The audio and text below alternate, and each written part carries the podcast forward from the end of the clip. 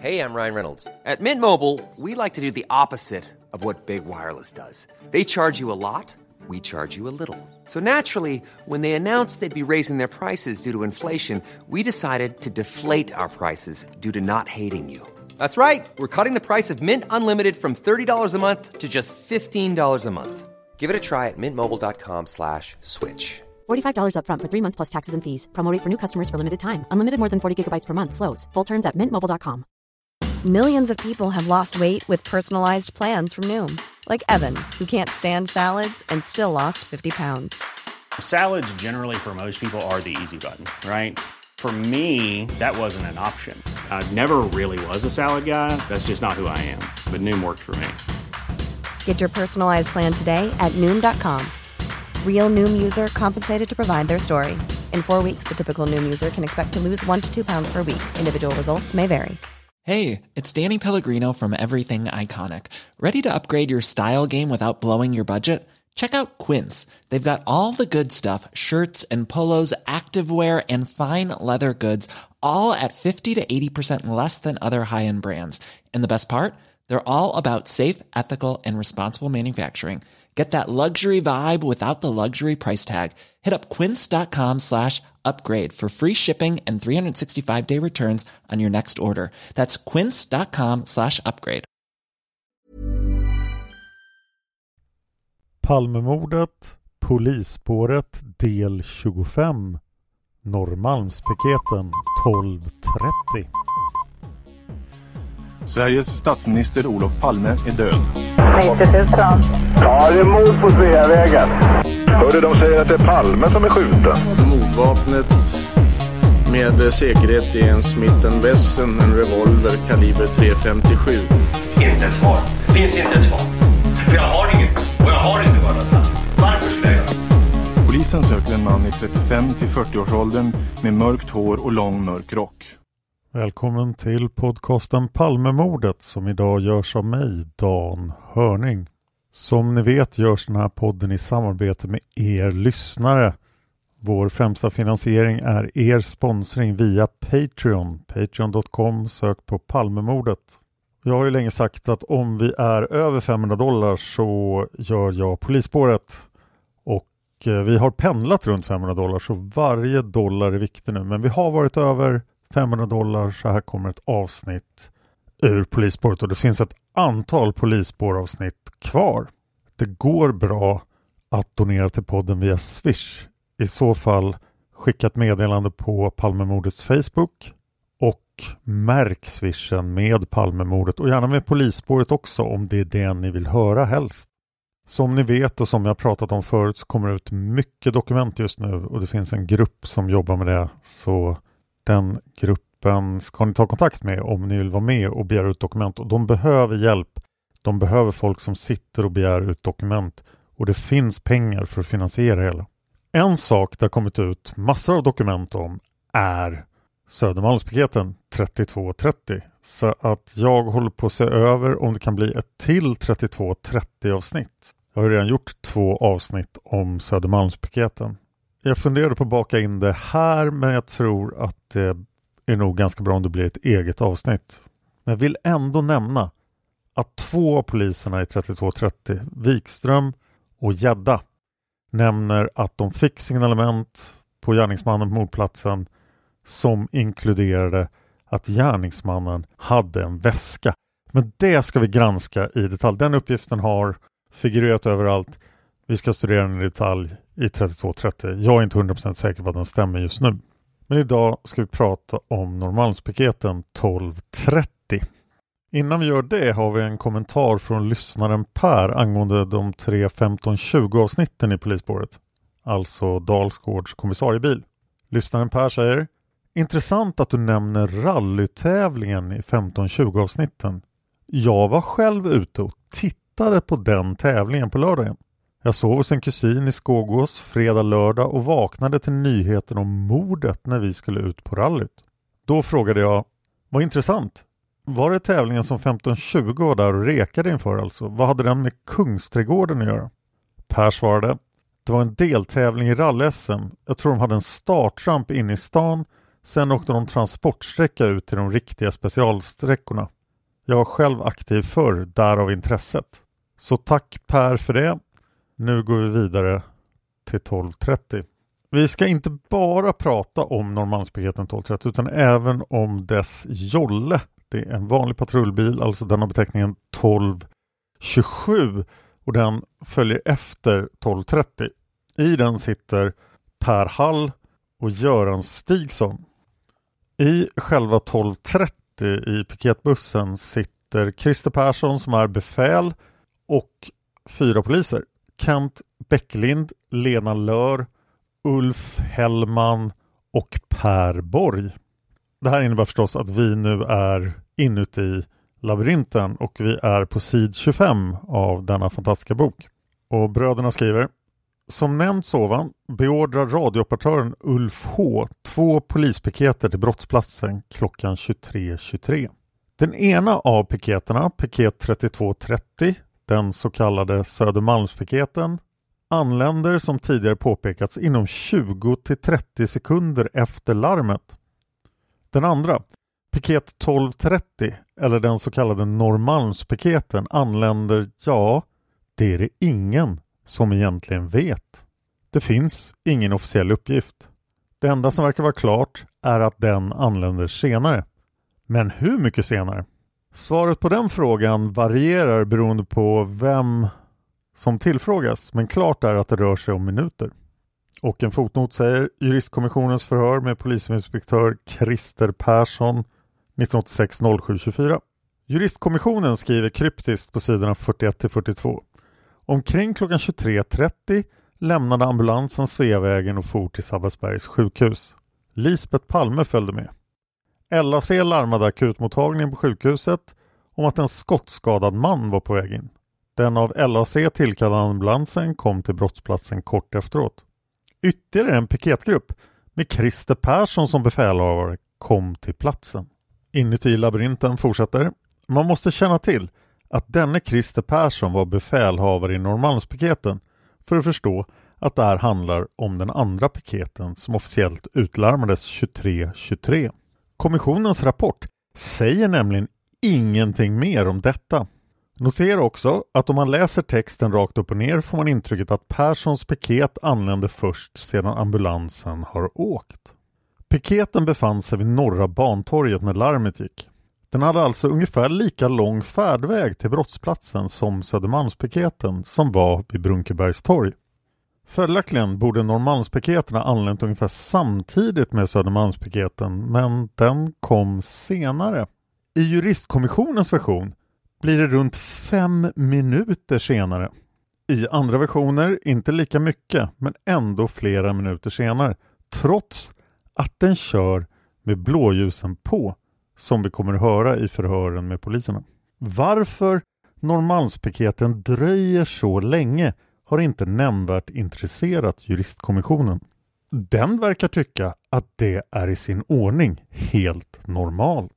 Än mindre har det bekymrat parlamentarikerkommissionen. Den nämner överhuvudtaget inte Norrmalmspiketen i sin rapport. Hans Holmer har i intervjuer beskrivit väg och tid för Södermalmspiketens färd till brottsplatsen. Till TT 1987 1120 och till GP 1987-11-21 Motsvarande uppgifter för Norrmalmspiketen lyser totalt med sin frånvaro. Det hade varit intressant att få en officiell förklaring till varför piketen dröjer så länge vid Norra Bantorget. Och nu ska jag göra en summering av Norrmalmspiketen och då tänkte jag använda mig av politiskamord.com. Det är Henry Söderströms blogg. Och Henry Söderström och politiska mord ska vi återkomma till senare i polisspåret. Det är alltså Gösta Söderströms son. Det här kan man läsa på Politiska mord. Norrmalmspiketen 1230. Polisinspektör Christer Persson var befäl i polispiketen 1230 från Norrmalms polisdistrikt, vilken var först med att besvara områdesanropet. De övriga i manskapet var Kent Bäcklind, Lena Lör, Ulf Hellman och Per Borg. Denna polispatrull var den andra av de två piketer som först beordrades till mordplatsen klockan 23.23 enligt officiella tidsschemat. När larmet kom befann sig patrull 12.30 vid Norra Bantorget där man höll på att tanka bilen. Kort därefter fick piketen alltså order om att bege sig till korsningen Sveavägen-Tunnelgatan men det råder alltjämt ovisshet om när denna piket egentligen kom fram till brottsplatsen. Befälet Christer Persson gör gällande att man kom fram i samma skede som ambulanspersonalen höll på att lasta in båren med den skjutne statsministern. Christer Persson beordrade omedelbart därefter kollegan Lena Lör att hjälpa till med att ta vittnesuppgifter och tog själv itu med avspärrningen av brottsplatsen. Detta betyder att Norrmalmspiketen behövde 4-5 minuter för att ta sig den 450 meter långa sträckan från Norra Bantorget till mordplatsen. En färd som med påslagna blåljus inte borde ha tagit längre tid än runt en minut. Frågan är varför det dröjde så lång tid innan denna piket kom fram till mordplatsen. En annan märklig omständighet som vi får återkomma till är att operatören Ulf H på SBC en minut efter den officiella tiden för områdesanropet, det vill säga klockan 23.24, tar en förnyad kontakt med Perssons piket som då beordras att bistå kommissariebil 1520 med att ta hand om en fyllerist. Och det här har vi pratat om i 1520 avsnitten men vi ska prata om det nu också. Men innan vi gör det vill jag bara påpeka att jag bor ju i det här området och det är verkligen inte långt från Norra Bantorget till Sveavägen Tunnelgatan. Jag skulle förmodligen gå snabbare från Norra Bantorget till mordplatsen än vad de åkte. Ja, fylleri-PMet. Jag är inuti labyrinten sid 308. Signaturen HZ, det vill säga Ulf H, har klockan 23.24 beordrat patrull nummer 1230 att ingripa i ett fylleriärende. Det skulle inte vara något märkligt med det här om det inte vore så att patrull 1230 var den så kallade Norrmalmspiketen. Och denna piket hade ju enligt samma IM-lista av samme Ulf H beordrats att ingripa i Palmeärendet klockan 23.23, .23, en minut tidigare. Och om ni vill lyssna om på vad jag sa om Dalsgård här så är det ungefär 9,5 minuter in i avsnitt 194 av podden. Bröderna Putiainen fortsätter. Varför beordrar Ulf H Norrmalmspiketen att hjälpa ta hand om en fyllerist ungefär en minut efter det att han har beordrat den till skottlossningen vid Sveavägen Tunnelgatan. Den som först ställde den här frågan var radioprogrammet Kanalens Lars Borgnäs. Han frågade också Ulf H själv om det här. Den enda förklaring han fick var att det var ett misstag. Att Ulf H hade skrivit fel på något sätt. Men om det var ett misstag, varför hade det i så fall inte noterats på listan? I normala fall, om en patrull av misstag skrivs in två gånger, noteras detta på listan genom att man skriver in åtgärdskoden förkortats OK på listan 50 Dubbelanm ej stattförd och det finns inuti labyrinten exempel på hur det ser ut. Inget av detta finns på Ulf Hs IM klockan 23.24. Tvärtom. Där står på åtgärdsraden att man biträtt annan patrull och på åtgärdskoden den siffra som anger detta, nämligen 54. Den koden ska stå om det inte är ett misstag. Om Ulf H talar sanning betyder det att varken han själv eller någon annan under mordnatten upptäckt misstaget. Hur ska man förklara att samme man, det vill säga Ulf H, först skriver in piket 1230 på Palmeärendet och sedan endast en minut senare skriver in samma piket på ett fylleriärende utan att själv upptäcka det. Och Palmeärendet kallas det förstås eftersom det senare blev Palmeärendet. Hon vet ju inte det då. Nog förefaller det märkligt. Bröderna Putin frågade Ulf H om detta 1989 03 ungefär ett år efter det Lars Borgnäs gjort honom uppmärksam på den här problematiken. Deras förhoppning var att han under det gångna året skulle ha kommit på vad det var för misstag han gjort.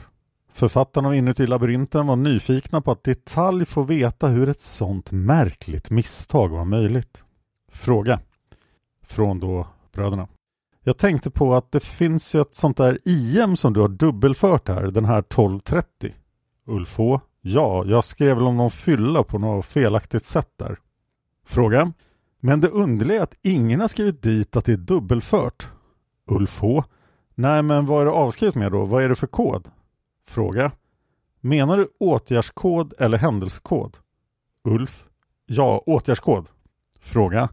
Ja, 54. Biträda annan patrull. Ulf. Ja, men då hade jag inte skrivit av 1230. Då stod de fortfarande kvar på den här fyllan som de hade biträtt en fotpatrull med och kört in från, jag kommer inte ihåg vad det var, Klarabergsviadukten va? Bröderna Putiainen fortsätter. Det här försöket till förklaring från Ulf Hs sida håller inte. Han påstår att patrull 1230 fortfarande stod kvar på fylleriärendet när han beordrade den till Sveavägen, vilket är omöjligt av kronologiska skäl. Han beordrade ju patrull 1230 till Sveavägen först och sen ungefär en minut senare beordrar han den att ingripa i fylleriärendet. Bröderna påpekade det här för Ulf. Fråga.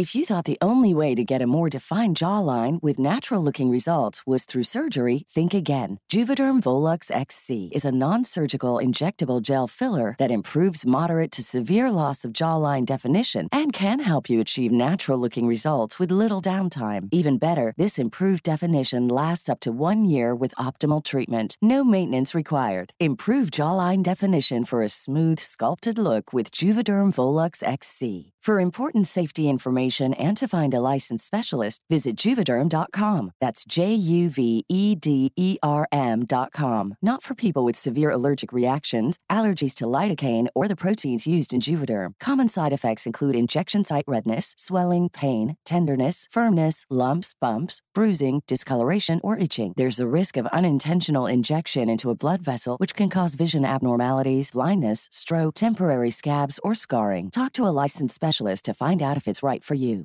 This is Paige, the co-host of Giggly Squad, and I want to tell you about a company that I've been loving, Olive and June. Olive and June gives you everything that you need for a salon quality manicure in one box. And if you break it down, it really comes out to $2 a manicure, which is absolutely insane. It's also so easy to get salon worthy nails at home with Olive and June. The difference between how your nails used to look when you did them yourself and now with the Manny system is a complete game changer. The best thing about Olive and June too is it's a quick dry. Dries in about one minute, lasts for five days, and full coverage in up to one to two coats. Visit oliveandjune.com slash perfectmanny20 for 20% off your first system. That's oliveandjune.com slash perfectmanny20 for 20% off your first system.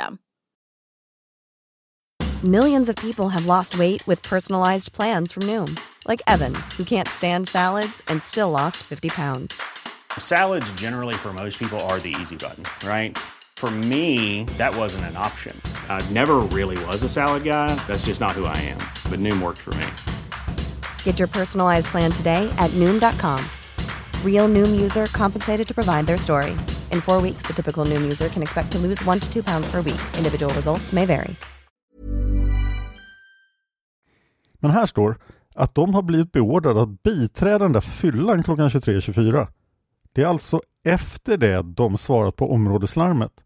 Hur går det ihop alltså? Ulf? Jo, det kan gå till så att utav någon anledning hade skött, vad hette fotpatrullen? Jag kommer inte ihåg vad det var, men jag hade det IMet framme. Och sen när jag skulle knappa in det, när man snabbtransar, så kan den ledbilden ligga framme så att säga.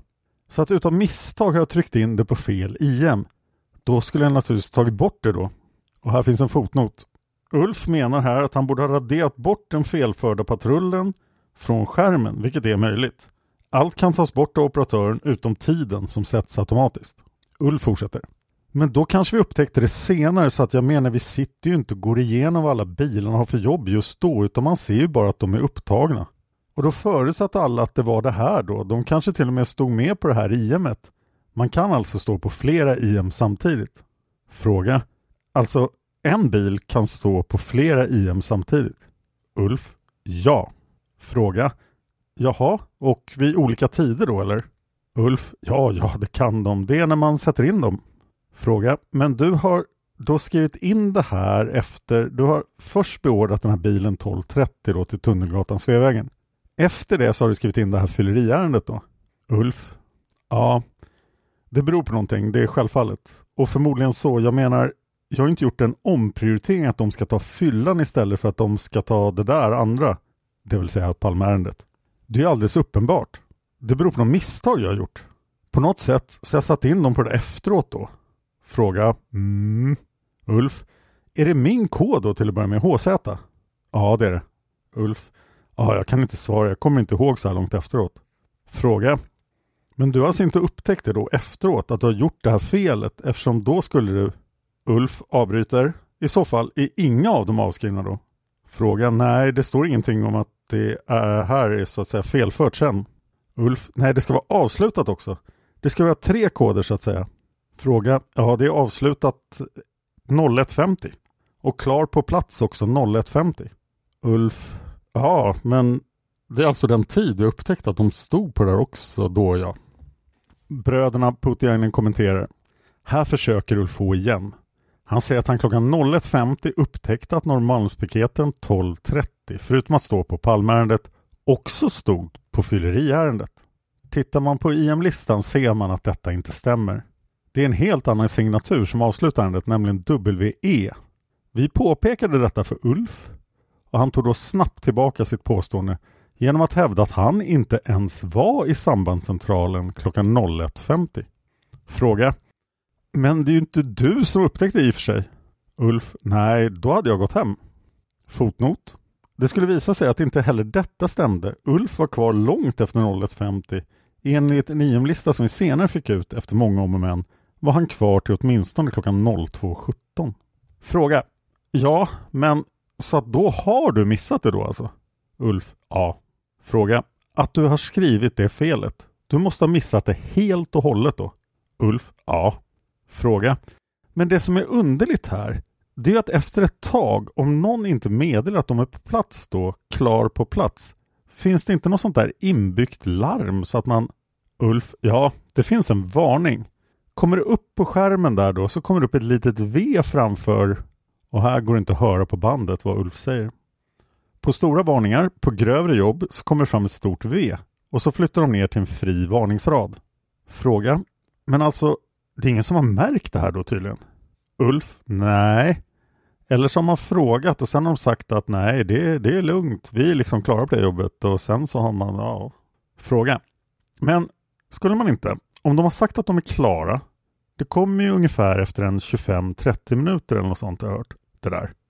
Men här är de beordrade 23.24 och så är de klar på plats 01.50 alltså. Ulf, men det är fel. Inte förflyter över en timme inte. Fråga, nej jag menar det. Hur kommer det sig att den inte har kommit upp den här varningen? Då borde ju någon... Ulf avbryter. Den har säkert kommit upp. Fråga, men ingen har märkt den menar du?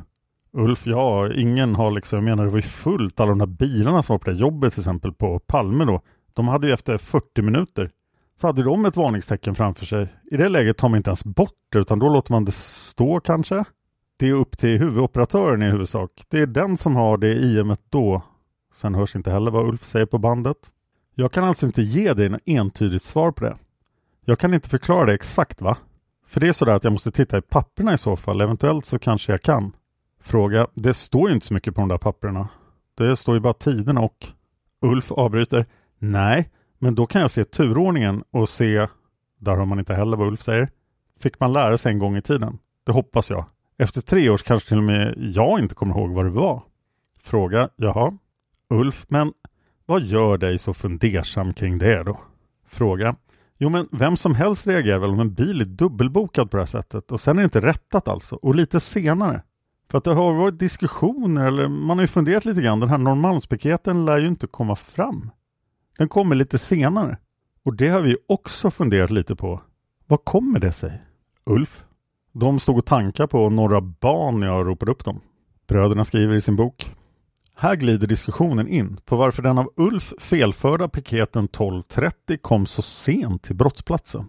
Den kom ett par minuter efter den andra piketen som också beordrades av Ulf H klockan 23.23. Skälet till detta är svårt att förstå. Norrmalmspiketen beordrades först och den hade inte någon längre färdväg än Södermalmspiketen. Och ändå kom den alltså ett par minuter senare. Varför? Vi kan konstatera att inte ens efter ett års betänketid har Ulf H kommit på en bra förklaring till varför han enligt IM-listan skickat Norrmalmspiketen att ta hand om ett fylleriärende. Ungefär en minut efter att han skickat den till Sveavägen. Vi fick samma förklaring som Lars Borgnäs fick ett år tidigare. Han hade skrivit in patrullen av misstag på det andra ärendet. Det märkliga med misstaget är att Ulf inte konkret kan förklara hur det har gått till.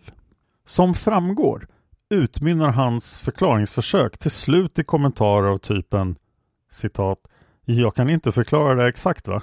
och citat ”Jag måste titta i papperna i så fall”. Alltså har vi här ännu ett oförklarligt misstag med anknytning till e IM-listans tid 2323. Och eh, bröderna påminner om ett tidigare misstag, Hedlunds oförklarliga misstag att inte se Ulfs IM på skärmen. Men det ska vi återkomma till när vi pratar just om arbetet på sambandscentralen. Även det kommer i polisspåret. Författarna av Inuti labyrinten kan inte släppa utan återkommer till ärendet på sid 320 under rubriken Piketen som kom sent. Vid vårt samtal 1989-03-23 menade Ulf H att det berodde på att 12.30 höll på och tankade vid Norra Bantorget när larmet kom. Så dialog Ulf H. De stod och tankade på Norra Ban när jag ropade upp dem. Fråga Ja, trots att de var först så att den här tank Ulf avbryter. Hur menar du? Fråga Trots att de svarade först på det där områdesanropet. Ulf H. Ja, det tog tid att betala och sådär. Fråga. Men de själva har jag för mig säger att det där inte skulle ha tagit så lång tid. Ulf H. Nej, det tog nog inte så lång tid. Det tog inte till 01.58 i varje fall innan de rullade fram. Jag menar, det går ju att få bekräftat. Fotnot. Ulf syftar antagligen på det enligt honom felförda fylleri-IMet. Alltså de där med klar på plats 01.50. Fråga. Ja, det kan ju hända att befälhavaren där i piketen säger att de kommer fram då när ambulanspersonalen håller på att lasta in i ambulansen. Och det skulle betyda att för andra uppgifter säger att ambulansen var där på brottsplatsen i ungefär tre minuter. Så att då betyder det att han kommer en tre minuter senare i alla fall om det stämmer. Ulf? Ja? Fråga. Och det är lite, de borde egentligen vara där lika kvick tycker man för vägen är egentligen kortare än vad den var för Ulf H. Jo, men går och tankar så tar ju det en viss tid och 32.30, alltså Södermalmspaketen, var ju där innan också och 25.20 var ju på plats hela tiden höll jag på att säga. Nej, inte riktigt hela tiden. Men först i varje fall. Bröderna kommenterar. Här tar Ulf fram sin gamla käpphäst. Att om det var några förseningar så borde patrull 2520, det vill säga Gösta Söderström, lastas för dem. Det är intressant att notera att Ulf H i detta samtal ger sken att den ända sedan mordnatten känt till varför piket 12.30 kom sent till brottsplatsen. Han antyder att det skulle ha framgått ur den radiokommunikation han hade med piketen. Så var det inte. När vi talade med honom året innan, april 1988, sa han nämligen att han inte hade den blekaste aning om varför 12.30 kommit långt efter den andra piketen. Vi informerade honom då att vi fått uppgift om att det skulle ha hållit på och tankat vid Norra Bantorget. Han sa att han inte visste någonting om det. Men nu, i mars 1989, var han helt säker på att fördröjningen berott på tankningen. Han visste till och med att piketpoliserna hade betalat innan de åkt mot brottsplatsen. Bröderna Puutiainen fortsätter. Vi har talat med den polisman som skötte tankningen. Fotnot. Telefonsamtal med polisassistent Kent Bäcklund 1988 0526. Bäcklund mindes inte om han betalat. Men Ulf H han kom ihåg trots att han inte var med. Det säger en hel del om hans trovärdighet. Befälhavaren i piketen, Christer Persson, berättar för juristkommissionen att man efter tankningen körde med blåljus mot brottsplatsen och kom fram när ambulanspersonalen höll på att lasta in Olof Palmes bår. Det betyder att 12.30 kommit fram klockan 23.27 eftersom ambulansen enligt LAC-bandet lämnade brottsplatsen strax efter 23.28. Om larmet gått 23.23 som officiellt påstås innebär det att det hade tagit ungefär fyra minuter för piket 1230 att ta sig från Norra Bantorget till korsningen Sveavägen-Tunnelgatan. Detta är en orimligt lång tid. Filmregissören Jan Halldoff gjorde under sommaren 1988 tillsammans med kollegan Björn Magnusson en rekonstruktion av piketens färd. De informerades av personalen på bensinstationen om polisens rutiner vid tankning och kom fram till att det i genomsnitt de gjorde 4-5 körningar tog en minut 12 sekunder inklusive avslutande av pågående tankning att köra sträckan. Om polisen hade tagit det så lugnt att de också hade betalat skulle det i genomsnitt ha tagit ytterligare 58 sekunder. Alltså även om polisen hade dragit fötterna efter sig på bensinmacken borde de ha kommit inom drygt två minuter. Vi har talat med fyra man i piketen och alla säger att själva färden längs Tunnelgatan, det är bara 400 meter, gick utan förhinder med blåljuset på. Nu verkar det alltså ha tagit fyra minuter istället för högst två. Hur ska man förklara det? Ja, en möjlig förklaring är att larmtiden 23.23 inte är korrekt. Och bröderna Putiainen hävdar att larmet gick 23.25 och det återkommer till här.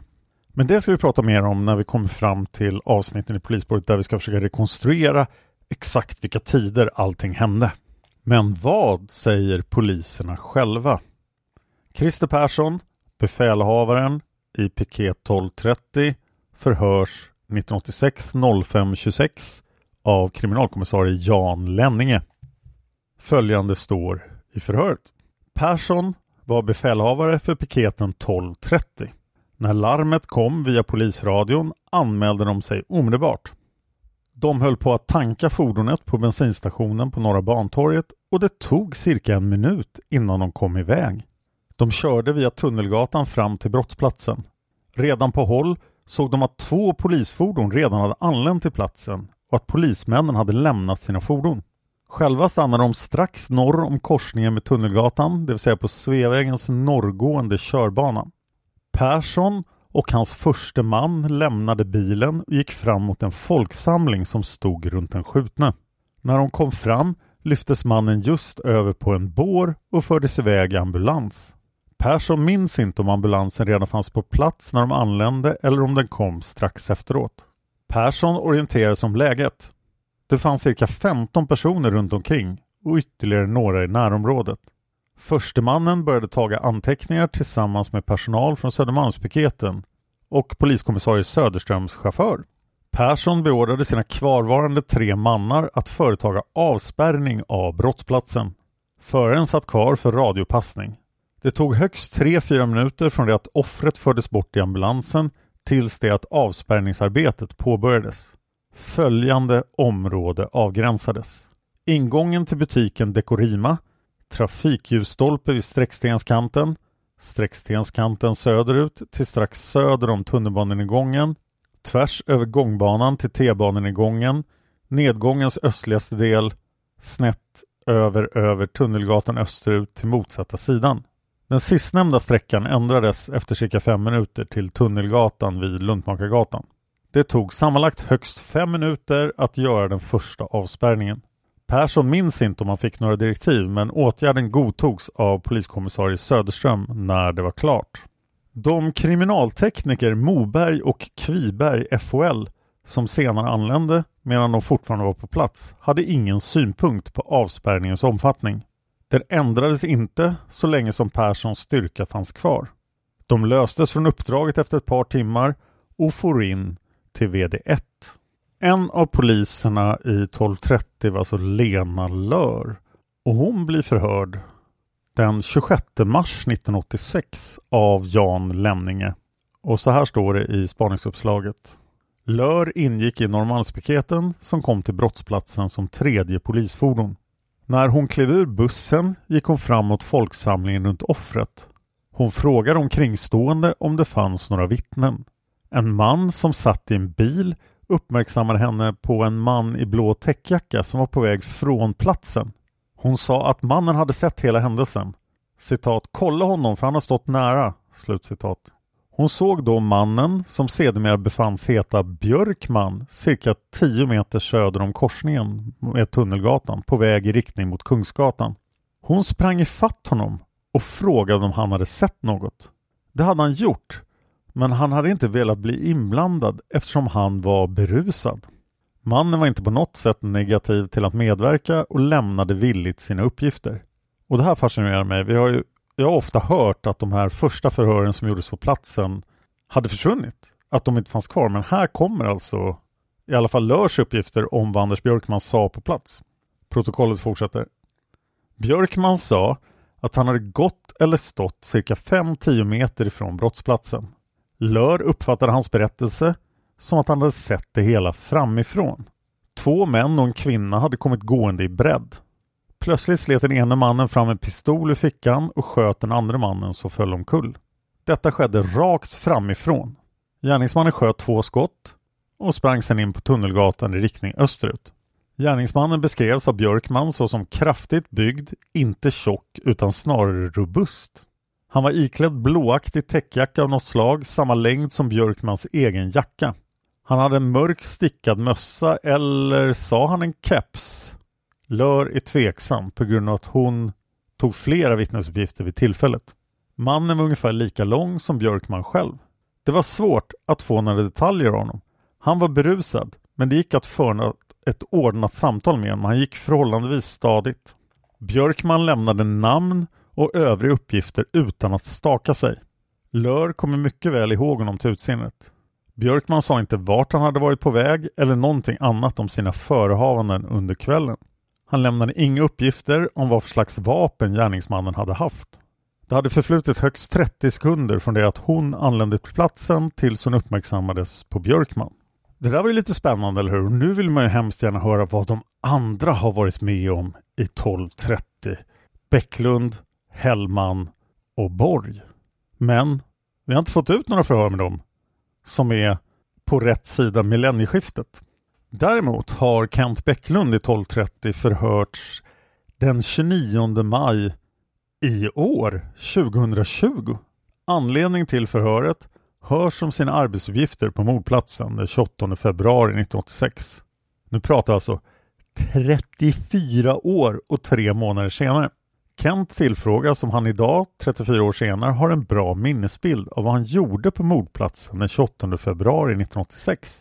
Han uppgav att han minns det väl. Hans uppgift var att ta hand om mannen som gjort mun mot mun-metoden på Olof Palme, alltså Stefan G. Kent hjälpte bland annat till med att tvätta av mannen som var blod i ansiktet. Kent tillfrågas om han tog upp kontakt eller vittnesuppgifter på mordplatsen men det gjorde han inte. Han har inte heller avvisat någon man som velat lämna uppgifter till polisen. Kent uppger att om någon skulle ha kommit fram och velat berätta något skulle han självklart tagit upp dessa uppgifter och skrivit dessa i en promemoria eller som ett förhör och vidarebefordrat dessa uppgifter uppåt. Förhöret pågick i fem minuter. Även polismannen Ulf Hellman i 1230 förhördes i maj 2020, nämligen den 28 av Sven-Åke Blombergsson. Anledning till förhöret hörs angående sin insats som polis på mordplatsen den 28 februari 1986. Ulf tillfrågas om han minns vad han gjorde på mordplatsen efter mordet och det minns han. När han med kollegor kom fram till platsen höll några på med hjärtmassage på Olof Palme. Ulfs uppgift var att ta hand om avspärrningen och bevakade sedan platsen. På fråga om han hade till uppgift att hämta in vittnesuppgifter uppger Ulf att han inte hade sådana uppgifter. Ulf tillfrågas om någon mansperson kom fram till honom för att lämna uppgifter och att han då skulle ha avvisat denne då redan fanns vittnesuppgifter upptagna. Ulf svarar att han inte kände till någon sådan man. Skulle någon ha kommit fram till honom för att vilja lämna uppgifter och att han då själv var upptagen skulle Ulf ha hänvisat det vittnet till någon kollega. Ulf Hellman blev förhörd i tre minuter. Den sista polismannen i 1230, Per Borg, är inte förhörd 2020 ens. Och jag vill inte spekulera i varför, jag vet inte varför. Men så hade vi ju den där jollen också. Den vanliga radiobilen som följde efter Norrmalmspiketen 1227. I 1227 sitter Per Hall och Göran Stigson på kvällen. Dokumentgruppen har begärt ut alla förhör med Göran Stigson och fått svaret att det inte finns några. Men det finns tre förhör med Per Hall. Per förhörs första gången den 8 april 1986 av Jan Lenninge. Så här står det i spaningsuppslaget. Hall tjänstgjorde civilt i radiobil 1227 tillsammans med Stigson. Bilen är polismålad och de utgjorde en civil enhet knuten till piketbuss 1230. Då larmet om skjutningen gick ut över polisradion befann de sig inne på VD1 station. De hörde larmet på en bärbar radioapparat. Piketbussen var på Norra Bantorget och tankade och de hörde att den beordrades till brottsplatsen. Själva väntade de på stationen tills de hörde poliskommissarie Söderström meddela att det var statsministern som var skjuten. Hall och Stigson lämnade då omedelbart VD1 och körde Vasagatan, Mäster Samuelsgatan, Regeringsgatan. De anmälde sig på radion när de befann sig på Mäster Samuelsgatan. Det var då tal om att en kontroll skulle göras på en restaurang. En radiobil från Östermalmspolisen hade stannat en person som motsvarade det utlarmade signalementet och de for dit för att assistera med restaurangkontrollen. Kollegorna stod snett emot restaurang Hirschenkeller på Regeringsgatan vid en annan restaurang och hade mannen i bilen. Det visade sig dock att det var helt fel man och de behövde inte biträda med kontrollen. De anmälde att de var klara på platsen. De for sedan på eget initiativ till området kring Stureplan. Hall kan inte erinra sig vilka gator de körde. De parkerade bilen på Biblioteksgatan mittemot för detta biografen Festival, det vill säga vid Viking Lines lokaler. De gick sedan till fortsättning Birger fram till Brunnsgatan och vidare denna gata västerut, det vill säga uppför. De letade i prång och dylikt hela vägen upp till trakten av Malmskillnadsgatan. Där träffade de en kvinnlig trafikvakt i en trafikvaktsbil. Hon berättade att hon tidigare på kvällen hade rapporterat bilar på smala gränd och att hon hade iakttagit en man som passerat förbi. Dessa uppgifter ringde Hall in till en tipscentral senare på natten. De fortsatte till höger på Malmskillnadsgatan, Tunnelgatan. De gick några steg nerför trapporna mot Luntmakargatan. Den södra fastigheten sett från trappan är under ombyggnad och de tog sig in i den och gjorde en genomsökning. De kom senare ut på Luntmakargatan alldeles i närheten av Tunnelgatan. I korsningen av Luntmakargatan Tunnelgatan höll deras kollegor från 12.30 på att göra en avspärrning. De tog sig upp till Malmskillnadsgatan. Hall tog rulltrappan och Stigson trapporna. Därefter genomsökte de det sydöstra hörnet av Johannes kyrkogård. De såg en man med en hund, men inget i övrigt. Via Drottninghusgränd tog de sig fram till Snickarbacken, vidare smala gränd till David Bagares gata, västerut till Regeringsgatan där de såg två män stå och prata. De återvände österut på David Bagares gata, det vill säga nerför backen och vid smala gränd stötte de samman med polisassistent Dalin i en radiobil från VD1. En av männen som de nyligen sett kom förbi och de åkte med radiobilen till Humlegården mitt för ingången till biblioteket där mannen kontrollerades. De återvände till sitt fordon och deltog sedan i en genomsökning av Humlegården. Hall och Stigson har inga konkreta tidsangivelser att lämna. Och det här kanske är ganska symboliskt för hur dåligt styrda polisen var.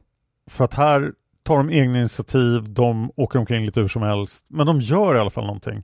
Och det är ju mer än man kan säga om vissa andra delar av polisen den här ödesdigra kvällen. Men Per Hall är alltså förhörd två gånger till. Det handlar väldigt lite om 1230. Den andra gången Per Hall är uppgiftslämnare är den 10 april 1989. Och det är väldigt svårt att förstå vad det gäller. I sak står det brev angående Leif Rune Ödlund med flera BIF. PM angående eventuella uppgifter rörande mordet på Olof Palme. 1989 04 06 klockan 18.45 greps bland annat censur, adress censur, en trappa 15300 Järna. Telefon saknas för stöld alternativt häleri.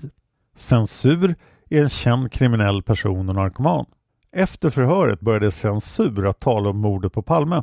Han uppgav att han strax före mordet hade tagit en taxi från Norrmalmstorg tillsammans med en person som heter Censur. Denna censur ska vara känd av polisen.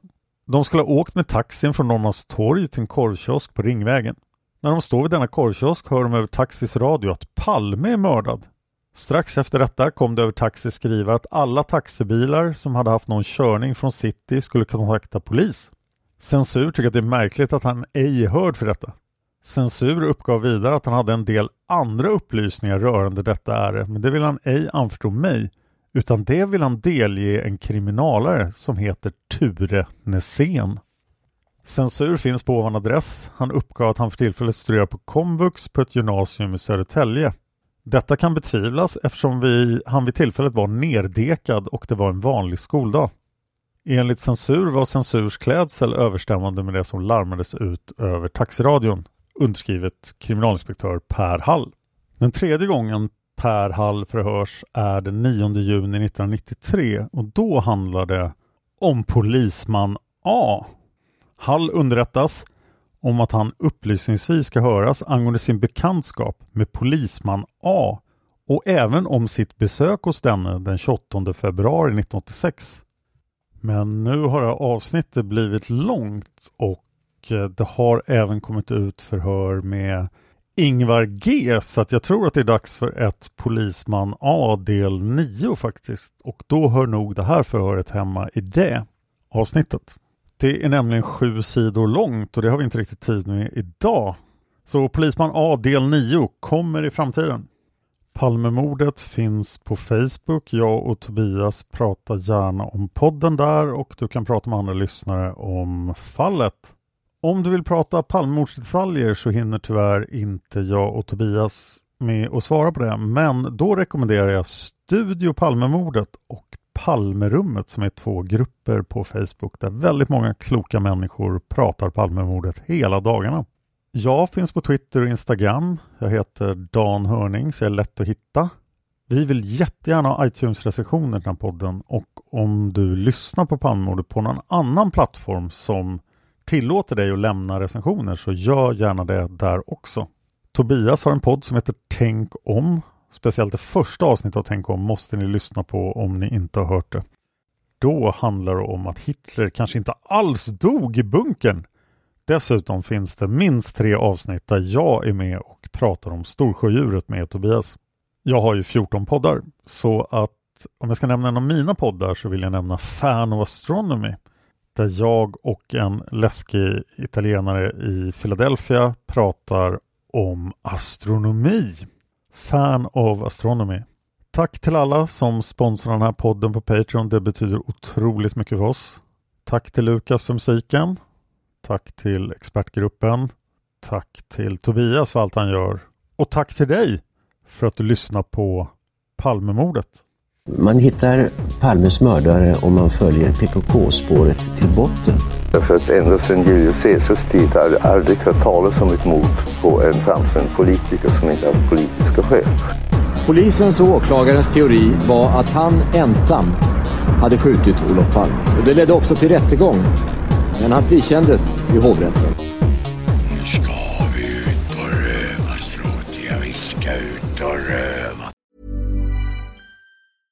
Cool fact a crocodile can't stick out its tongue. Also, you can get health insurance for a month or just under a year in some states. United Healthcare short term insurance plans, underwritten by Golden Rule Insurance Company, offer flexible, budget friendly coverage for you. Learn more at uh1.com. Planning for your next trip? Elevate your travel style with Quince. Quince has all the jet setting essentials you'll want for your next getaway, like European linen, premium luggage options, buttery soft Italian leather bags, and so much more. And it's all priced at 50 to 80% less than similar brands. Plus, Quince only works with factories that use safe and ethical manufacturing practices. Pack your bags with high-quality essentials you'll be wearing for vacations to come with Quince. Go to quince.com slash trip for free shipping and 365-day returns. Normally, being a little extra can be a bit much, but when it comes to healthcare, it pays to be extra.